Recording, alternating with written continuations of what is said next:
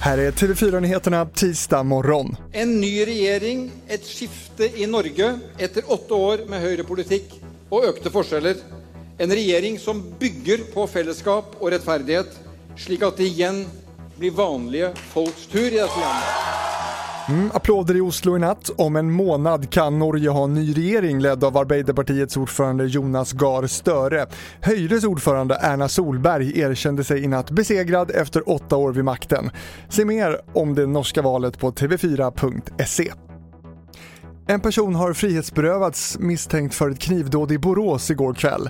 Det var vid åtta tiden som en man i 40-årsåldern skars i ryggen i stadsdelen Kristineberg.